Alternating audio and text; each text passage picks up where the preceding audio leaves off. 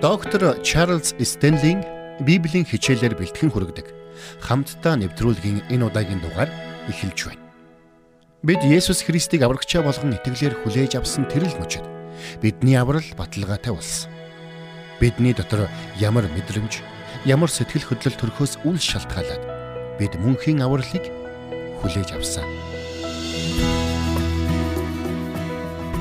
Тиймээс бидний сэтгэл хөдлөл бидний авралын баталгааг хэмжих хэмжүүр байж чадахгүй. Итгэлийн амьдралдаа бид янз бүрийн мэдрэмж, янз бүрийн сэтгэл хөдлөлийг мэдрэх болно. Харин бид авралын баталгаагаа тэр бүх мэдрэмжтэй холбож ойлгохоос зайлсхийх учиртай. Тиймээс өнөөдөр доктор Стенли бидэнд Есүс Христтэй барилдсан бидний тасаршгүй мөнхийн барилдлагааг дахин сануулах болно. Энэ хувиршгүй мөнхийн харилцаа бидэнд бурхнаас хүлээн авсан авралдаа бүрэн итгэлтэй байх баталгаа болдог. Ингээд хамтдаа доктор Стенли ярианд анхаарлаа хандуулцгаая.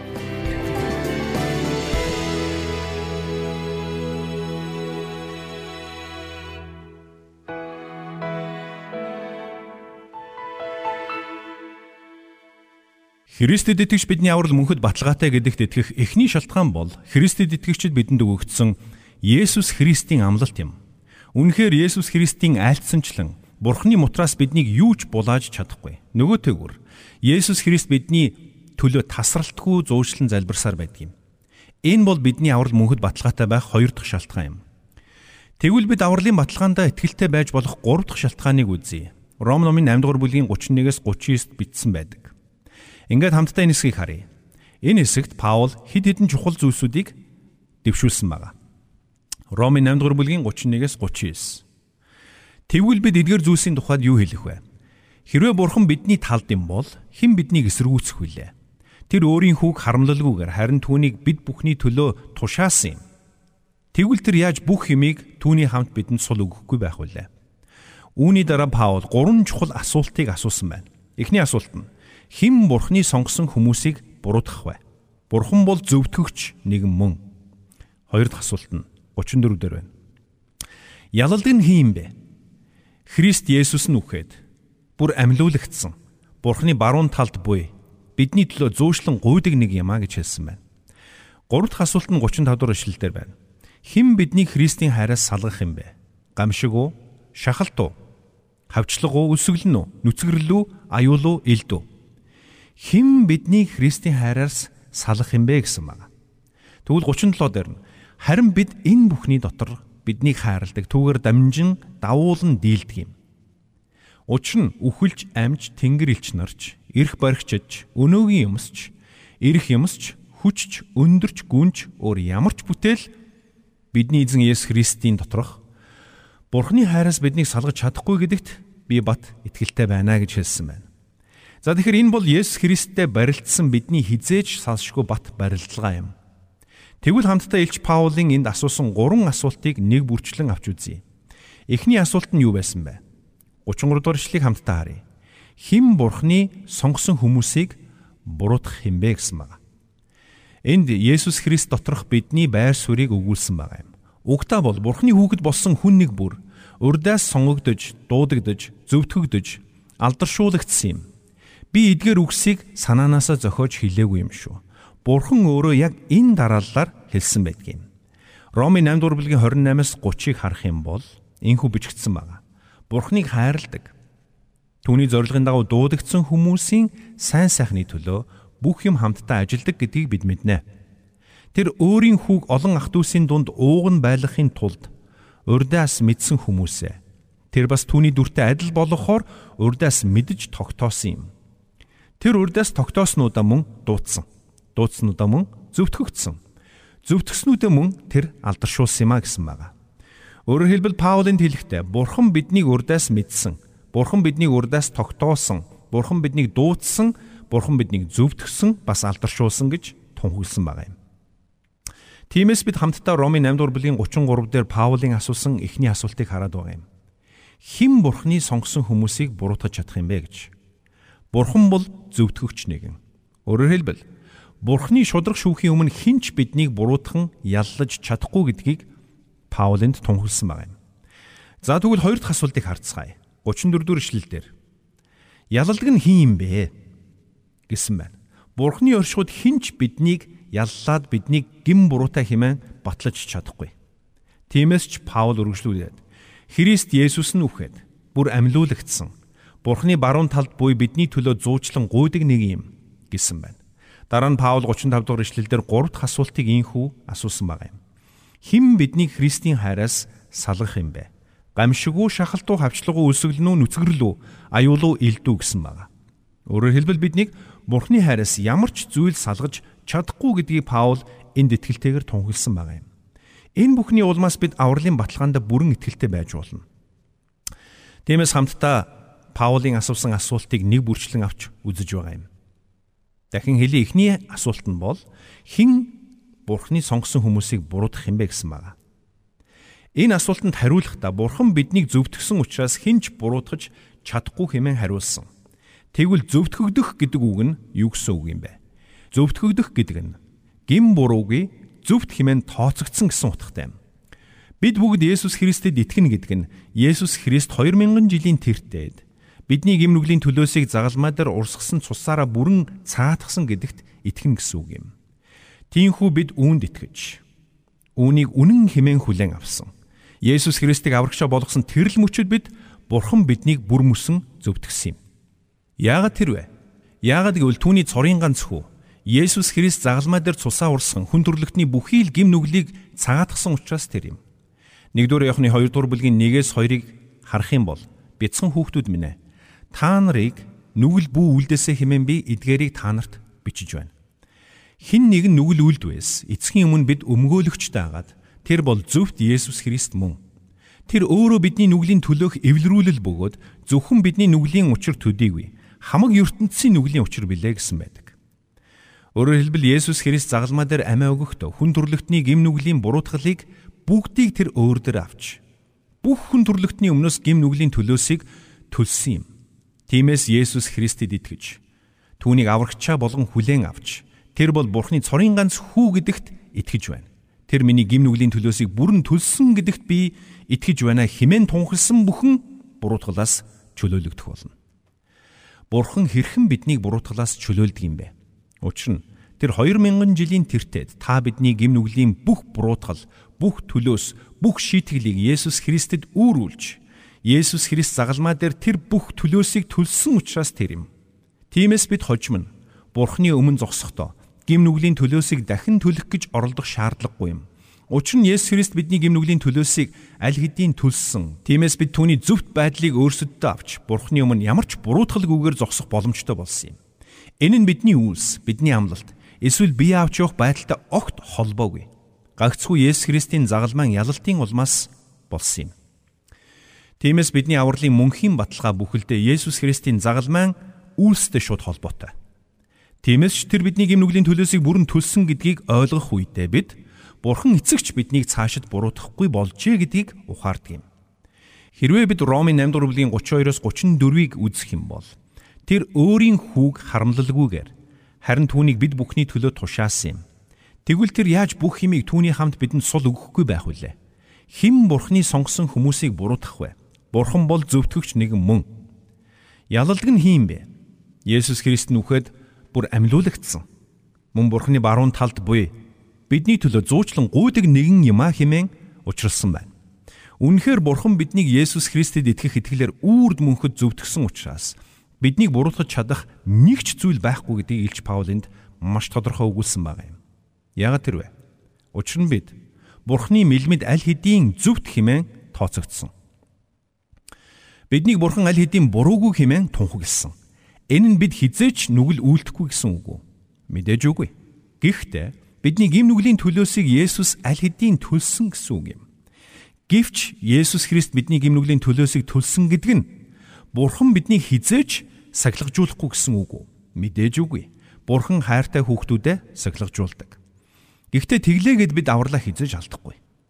Энд бид нэг зүйлийг сайтар ойлгох хэрэгтэй. Христэд итгэгч хүн Бурханаасаа нүрэ бууруулж дуулуургүй байдлын замаар явсаар амьдралаа дуусгавал юу болох вэ?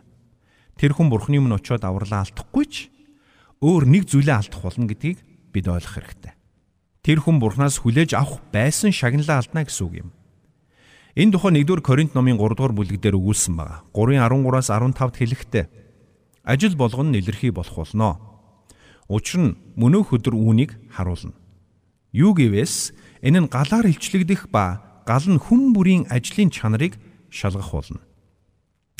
Хэрвээ хэн нэгний үүн дээр барьсан ажил нь үлдвэл тэрээр шагналаа хүлээн авах болно. Хэрвээ хэн нэгний ажил шатвал тэрээр хохирол амссан. Тэр өөрөө гал дундуур гарсан мэт боловч аврагдана гэсэн байдаг. Үнэхээр бид гим нүглэр дүүрэн амьдралын хаан төлөө тэр цагт авралаа алдахгүй ч өөр маш чухал зүйлээ алдах болно гэдгийг ойлгох хэрэгтэй. Харин бидний завшаан болоход бидний авралын баталгаа бидний үйлсээс шалтгааллахгүй юм. Бидний үйлсээс ч бидний амлалтаас ч бидний зам байдлаас ч бидний гавья шагналаас ч хамаарахгүй. Гагцгүй Есүс Христийн загалмайн ялалт Бидний гимнүглийн уучлалын төлөө амиа өгсөн түүнд итгэх итгэлээс л бидний авралын мөнхийн баталгаа шууд хамааралтай юм. Та энэ зүйлээ ямар олон давтдаг юм бэ гэж та бодож үйж болох юм. Би энэ чухал үннийг таны зүрх сэтгэл санаа бодолд чинь шингэх хүртэл мянган удаач давтсан чадна. Учир нь гагцгүй Есүс Христийн загалмайн гавьяал дангаараа бидэнд авралын мөнхийн баталгааг өгч чадна. За ингээ хамтдаа Ром номын 8 дугаар бүлгийн 35-ыг харъя. Илч Паулийн хэлсэн үгийг хамтдаа уншицгаая. Хэн биднийг Христийн хайраас салгах юм бэ? Гамшиг уу, шахалт уу, хавчлаг уу, өсгөлн үү, нүцгэрлүү, аюул уу, илдүү гэсэн байна. Паул яагаад энэ бүхнийг тоочин байж асуусан юм бэ? Яагаад гэдгийг би танд хэлж өгье. Учир нь эдгээр зүйлс бидний итгэлийг сорж шалгаж байдаг юм. Гамшиг, шахалт, хавчлаг, үлсгэлэн, нүцгэрэл, аюул, илд бидний өмнө ирвэл эдгээрийн аль нь ч биднийг Бурхны хайраас салгаж чадахгүй гэдгийг Илч Паул энд батлан хэлээд байна. Гэхдээ бид энд нэг зүйлийг хүлээн зөвшөөрөх хэрэгтэй. Өнөөдөр Христэд итгэж Бурханаас авралыг хүлээн авсан маш олон хүмүүс бий. Гэхдээ бид энд нэг зүйлийг үргэлж санах хэрэгтэй. Бид итгэлээсээ хизээч ухрахгүй, итгэлээ хизээч үгүйсэхгүй гэж бардамнан сайрхах огт хэрэггүй. Хизээ нэгэн цагт хин нэгэн хүн танд буу тулгаад Есүс Христэд итгэдэг эсгээ хэл. Хэрв итгэдэг бол чамайг буудна гэж хэлбэл та яах вэ? Эсвэл Христ итгэлээсээ ухар, ухрахгүй бол буудна гэвэл та яах вэ? Та нараас хэд ч итгэлээ үгүйсэх вэ? Хэд ч Есүс Христ бол миний аврагч бишээ хэмээн тунхаглаж чадах вэ? Мэдээж ийм нөхцөл байдал донд итгэлээрээ бат зогсож чадвал сайн. Гэхдээ бидний зарим нь ингэж бат зогсож чадахгүй гэдгийг бид мэднэ. Тэгвэл би танаас асууя таныг айлган сүрдүүлсэн хэн нэгний өмнөөс та би Есүсийг мэдгүй гэж хэллээ гээд Бурхан таныг тамд хаях болов уу? Есүс өөрөө Матай номын 10 дугаар бүлгийн 33-т хэлэхдээ харин хүмүүсийн өмнө намайг үгүйсгэн хэнийг ч болов би Тэнгэрдэг эцгийнхээ өмнө үгүйсгэнэ гэсэн байдаг. Тэгвэл ийм үйлдэл гаргасны чинь төлөө Бурхан таныг үгүйсгэж таныг тамд хаях болов уу? Хэрвээ тийм гэж бодож байгаа бол та Петрийг санаарай. Петр Есүст Эзэн минь би таныг хизээж үгүйсэхгүй. Бүгд үгүйсгсэн ч би хизээж үгүйсэхгүй хэмээн тунхаглаж байсан юм. Гэвч Лук номын 22 дугаар бүлгийн 57 дээр харах юм бол Петр нэгэн эмэгтэйд зарц охинд эмэгтэй түүнийг чинь би танихгүй хэмээн Есүсийг үгүйсгсэн байдаг юм. Петр уг нь Есүсийг мэдхийн дээдэр мэдж танихын дээдэр таньдаг байсан. Тэр Есүстэй хамт 3 жил амьдарч түүний үйлчлэлийн туршид түүнтэй хамт явж байсан. Есүс хэрхэн өвчтөе хүнийг эдгэж өгсөн хүнийг амьлуулж байхыг Петр нүдэрэ харж байсан. Нүдэрэ хараач итгэхээргүй зүйлсийг Петр харж Есүстэй үргэлж хамт байсан. Есүсийг хамгийн ихээр мэдж таньсан хүн бол Петр байсан юм. Гэвч Есүс баривчлагдж амь нас нь дээсэн дөрөөн дээр байсан тэр мөчөд Петр Есүсээс урвсан. Уруу хурхта бүрэн зэвсгэлсэн хүчрхэг Ромын цэргүүдийн өмнө биш харин жирийн нэгэн зарц охиноос айсанда Есүсээс урвсан юм. Лук номын 22 дугаар бүлгийн 56-ыг унших юм бол нэгэн зарц охин Петрийг галын дэргэд суухыг хараад түүнийг ширтэн энэ хүнч бас түүнтэй хамт байсан гэж хэлсэн. Харин Петр тэр хүнийг чинь би огт танихгүй юм байна гэж мэлдсэн хэсэг байдаг юм. Гэхдээ Есүс ийхүү үгүйсгсэн учраас Петр авралаа алдсан гэж Библиэд огт бичигдээгүй. Сайн сонсоор. Лук номын 22 дугаар бүлгийн 61-ийг унших юм бол эзэн эргэж Петрийн зүг харав. Тэгээд Петр дахиад онготхоос өмнө чи намайг гурвантай үгүйсгэнэ гэж өөрт нь айлтсан эзний үгийг саналаа гэсэн байдаг. Тэр мөчөд Петрт ямар байсан бол? Есүс Петр руу уурлаж үзэн ядан урам хугарсан харцаар харсан болов уу? Үгүй ээ. Учир нь энэ үйл явдал болохоос өмнө Есүс Петрт хандан Лук номын 22 дугаар бүлгийн 31-ээс 32 дээр Симоно Симоно үздэггүй. Чамайг буудаа мэд шигшхийн тулд сатан зөвшөөрөл гуйсан юм а. Гисэн ч итгэлчин цөхрөхгүй тулд би чиний төлөө залбирсан. Чи нэгэн цагт дахин эргэж ах дүүсээ батчуул химэн хэлсэн байсан юм. Найз минь цаг нэрхэд бид бүгдээрээ соригдож, хавчигдож, гадуурхагдах болно. Тэр цагт харин юу болох вэ? Тэр нэгэн шүн түдэг галын дэргэд Петртэй хамт байж өөрийг нь үгүйсгэх үед Петрийг инэрэн хайрлсан харцаар харж байсан тэр Христ. Та бидэнтэй хамт байж бидний төлөө залбирч бидний алдаа дутагдал бүтлгүүтлийг ойлгож биднийг тайвшруулан тайтгаруулах болно. Өөрийг нь үүсгэлээ гэд Есүс Христийг хөөж зайлуулаагүй. Тэр биднийг ч бас хөөж зайлуулахгүй. Үнэн дээр хавчлаг дарамт хатуу ширүүн дайралт зовлон бэрхшээл дунд биднээс ямар ч хариу үйлдэл гарч магадгүй юм. Бид үүнийг тааж мэдэх аргагүй. Заримдаа бидний эргэн тойронд болж буй аимшигтай үйл явдлаас болоод бидний дотор эргэлзээ тэнэгэлзэл төрж эхэлдэг юм. Сатан бидний дотор бурхан гэж байхгүй. Хэрэг бурхан үнэхээр байдаг байсан бол ийм зүйлийг зөвшөөрөхгүй байх байсан биш үү чамд гэсэн бодлыг төрүүлдэг юм. Заримдаа ийм байдлаас болоод зарим хүмүүс итгэлээсээ ухардаг. Үнэн дээр бидний сэтгэл хөдлөл бидний дотор ямар бодлыг төрүүлж биднийг ямар үйлдэл рүү хөтлөхийг та харахгүй юм. Тиймээс бид хэнийг ч хатуу ширүүнээр шүүх хэрэггүй юм. Энд би танд нэг зүйлийг хэлье Бурхан эцгийнхээ баруун гар тал заларсан Бурхны хүү Есүс Христ бидний дотор төрдөг бүхий л сэтгэл хөдлөл, бодол санаа, эргэлзээ, тэнэгэлзэл, айдас дүгшүүрийг нэгд нэгэнгүү мэддэг юм. Тиймээс ч тэр Бурхан эцгийнхээ баруун гар тал залрахдаа биднийг нүгэл үйлдэлээ хэмээн шийтгэж биднийг Бурханаас холдуулан хөөхийн тулд биш харин биднийг хайрлаж биднийг өмгөөлөхийн тулд заларсан юм. Тиймээс ч түүнд итгэгч нэг ч хүн түүний гараас алдагдахгүй тэр өөрт нь үнэхээр итгэсэн нэгнийг хизээж алдахгүй. Бидний амьдралд тохиолдог ямар ч үйл явдал биднийг бурхнаас тусгаарлан салгаж чадахгүй. Ром номын 8 дугааргийн 38-аас 39-ыг дахин харцгаая л да.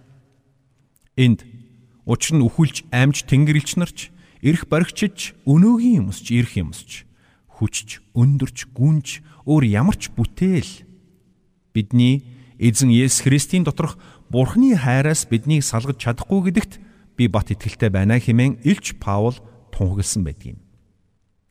Үнэхээр Бурханаас биднийг юу ч салгаж чадахгүй. Үхэлж салгахгүй, амьж салгахгүй. Өнөөгийн юмс, ирэх юмс нүгэлч тэр. Өөр юу ч байсан биднийг Бурханы хайраас салгаж чадахгүй. Ямар ч хүн бай чөтгөрч бай, ямар ч хүч сатааны ямар ч зал мих биднийг Бурханы хайраас салгаж чадахгүй. Тиймээс ч Илч Паул бидэнд хэлэхдээ Есүс Христийн загалмайн үхлээр дамжуулан золигдож гим нүглийнхээ төлөөснөөс бүрэн чөлөөлөгдсөн хүмүүсийг бурхны агуу мутраас ямар ч зүйл салгаж ямар ч зүйл булааж чадахгүй хэмээн тунхагласан юм. Тэгвэл хамтдаа өмнө асуусан асуулт руугаа эргээд очие. Хэрвээ би өөрөө бурхнаас холдон одвол яах вэ гэж олон хүн асуудаг юм. Тэгвэл би дахиад асууя. Хэн биднийг бурхнаас холдон явхад уруу татах вэ? Хэн бидний дотор бурхнаас хол байвал амьдрал илүү сайхан болно гэсэн бодлыг төрүүлэх вэ? Хэн биднийг бурханд итгэх итгэлээ хайж орхиод өөрийнхөө амьдрах хүсэл рүү хөтлөх вэ? Мэдээж ийм явуулгын цаана хизээд диавол ажиллаж байдаг гэдгийг бид нэгдүгürt ойлгох хэрэгтэй. Хоёрдугаарт бидний аврал бидний хэрхэн амьдрснаас эсвэл бид бурханд амлалт өгөө тэр амлалтанда хүрсэн эсхээс огт шалтгааллахгүй. Харин бидний гим нүглийн төлөөс бүрэн төлөгдсөн эсхэл хамгийн чухал юм. Заримдаа бидний амьдралд хүнд хэцүү асуудал тулгарх үед бид сэтгэлээр ундаг. Бид бие махбодын хувьд ядарч, туйлдан, урам хугарч цөхрөлд автдаг. Заримдаа ийм үед бид Бурхан минь та үнэхэр байдаг бол яагаад ийм зүйлийг надад зөвшөөрч байгаа юм бэ хэмээн асууж сэтгэлээр ундаг юм. Бурханд эргэлзэх үе бидэнд гардаг аа. Заримдаа бүр итгэлээ орхиод явмаар санагдах үе ирдэг юм. Гэхдээ би танаас асууя. Бурхан эцэг өөрийн цорын ганц хүүгээ биднээс харамлалгүй загалмайн үхэл рүү илгээсэн атлаа чи надад итгэхгүй гэж хэлсэн учраас би чамаас авралаа буцааж авлаа гэж хэлнэ гэж юу. Үгүй ээ. Учир нь Есүс Христийн загалмай дээр урсгасан цусны гавьяагаар бид бүхний гим нүглийн төлөөс бүрэн төлөгдсөн. Тиймээс түнд итгэсэн бүхний өнгөрсөн одоо ирээдүйн бүхэл гим нүгэл бүрэн уучлагдсан. Мэдээж бид үйлдэлсэн гим нүглийнхээ үр дагаврыг амснаа. Гэхдээ Бурхны нэгүслэр бид аврагдсан учраас юу ч биднийг энэ авралаас салгаж чадахгүй. Тийм учраас л би бидний аврал Бурхан дотор мөнхийн мөнхөд баталгаатай юм хэмээн итгэлтэйгээр хэлж чадаад байгаа юм. Хэрвээ та энэ авралыг хүлээж авсан бол та үүнийгээ хизээж алдахгүй. Бурхан бидэнд хайртай учраас, Бурхан биднийг нэгүүлсэн учраас энэ бүхэн боломжтой болсон хэвээр байгаа юм. Тэгвэл бид авралаа алдахгүй гэдэгтээ бүрэн итгэлтэй байх нь биднийг ямар алхам руу хөтлөх вэ? Хэрвээ бид авралаа алдахгүй гэдэгт итгэлтэй байвал хүснээрээ амьдарч дураараа гимнүгэл үлдэх юм биш үү? хэмээн зарим хүмүүс боддог. Тэгвэл би танд хэлье харин ч эсэргээрээ зүйл болох болно. Христэд итгэвч хүн Бурханд чин зүрх сэтгэлээсээ итгэн талархаж амьдрах болно. Бид Бурханд эргэлзэж үл итгэж Бурханд биш өөртөө найдаж өөрийнхөө хүслийг даган тэнэж төөрөн явсан ч Бурхан биднийг хайрласаар биднийг авралда багтаасаар байдаг гэдгийг ойлгох үед энэ нь бидний дотор үгээр илэрхийлэхийн аргагүй талархал баяр хөөр амар тайвныг өгөх болно. Энэ нь бидэнд Бурханыг улам илүүгээр дуулууртай дагах хүслийг төрүүлэх болно. Хэрвээ итгэвч хүн авралаа алдахгүй юм чин гэд хүснээр нүгэл үйлдэн амьдрнаа гэж бодож байгаа бол та буруу зүйл дээр фокуслож байна гэсэн үг. Бидний Христийн дотор эрх чөлөөтэй амьдрахад саад болохын тулд сатан бидний харааг ийм зүйл рүү төвлөрүүлдэг. Саяхан нэг хүн надаас намайг авралаа алдалгүй зуурч чадахын төлөө залбирч өгөөрэй гэж хүссэн юм. Үгүй дээ найз минь. Чи юунаас ч зуурах шаардлагагүй. Бүхнээс хүчтэй бурхан эцэг чинь чиний нэг гараас Мөн Бурхны хүү Есүс Христ чиний нөгөө гараас атгаж байгаа учраас хинч чамайг Бурханаас булааж авч чадахгүй. Бурханаас чамд өгсөн авралыг хинч булааж чадахгүй. Чи өөрөө гараа тавина уу? Зуурн уу? Энд огт хамаагүй гэдгийг ойлго. Библиэд биднийг авралаа алдахгүй тулд зуурсаар байгаарэ гэж хэлсэн нэг ч ишлэл ойлголт байхгүй. Харин Иохны 10:28-аас 30-д хэлэхдээ би тэдэнд мөн хамийг өгнөө. Тэд хизээч мөхөхгүй бөгөөд тэдний хинч гараас минь булаахгүй. Тэднийг надад өгсөн эцэг минь бүхнээс агуу бөгөөд тэдний хинч эцгийн минь гараас булааж чадахгүй. Би болон эцэг нэг юмаа гэж айллаа гэсэн байдаг шүү дээ. Энэ бол бидний авралын мөнхийн баталгаа билээ. Өнгөрсөн одоо ирээдүйн ямар ч зүйл биднийг Есүс Христийн доторх Бурхны хайраас салгаж чадахгүй гэдгийг доктор Стенли бидэнд сануулж байна. Энэ бол бидний авралын мөнхийн баталгаа юм. Бидний авралын баталгаа бидний хичээл зүтгэлд биш. Харин биднийг хайрлсан Бурхны хайранд оршдог. Бурхан та биднийг Есүс Христийн дүр төрхийн дагуу өөрчлөхөөр урьдаас төлөвлөсөн байна. Тиймээс ч бидний амьдралд тохиолдож буй сайн сайхан хийгээд зовлон бэрхшээлтэй бүхий л зүйлс эцсийн дүндээ биднийг Христтэй адил болон өөрчлөгдөх боломж болдог гэдгийг бид ойлгох хэрэгтэй. Ром 8:28-аас 30-д хэлэхдээ Бурхныг хайрладаг. Түүний зорилгын дагуу дуудагдсан хүмүүсийн сайн сайхны төлөө бүх юм хамтдаа ажилдаг гэдгийг бид мэднэ. Тэр өөрийн хүүг олон ах дүүсийн дунд ууган нь байлгахын тулд урдаас мэдсэн хүмүүсээ тэр бас түүний дүртэй адил болгохоор урдаас мэдэж тогтоосон юм. Тэр урдаас тогтооснуудаа мөн дуудсан. Дуудснуудаа мөн зөвтгсөн. Зөвтгснүүдээ мөн тэр алдаршуулсан. Гэсэн байдгийг та бидхий мартаарай.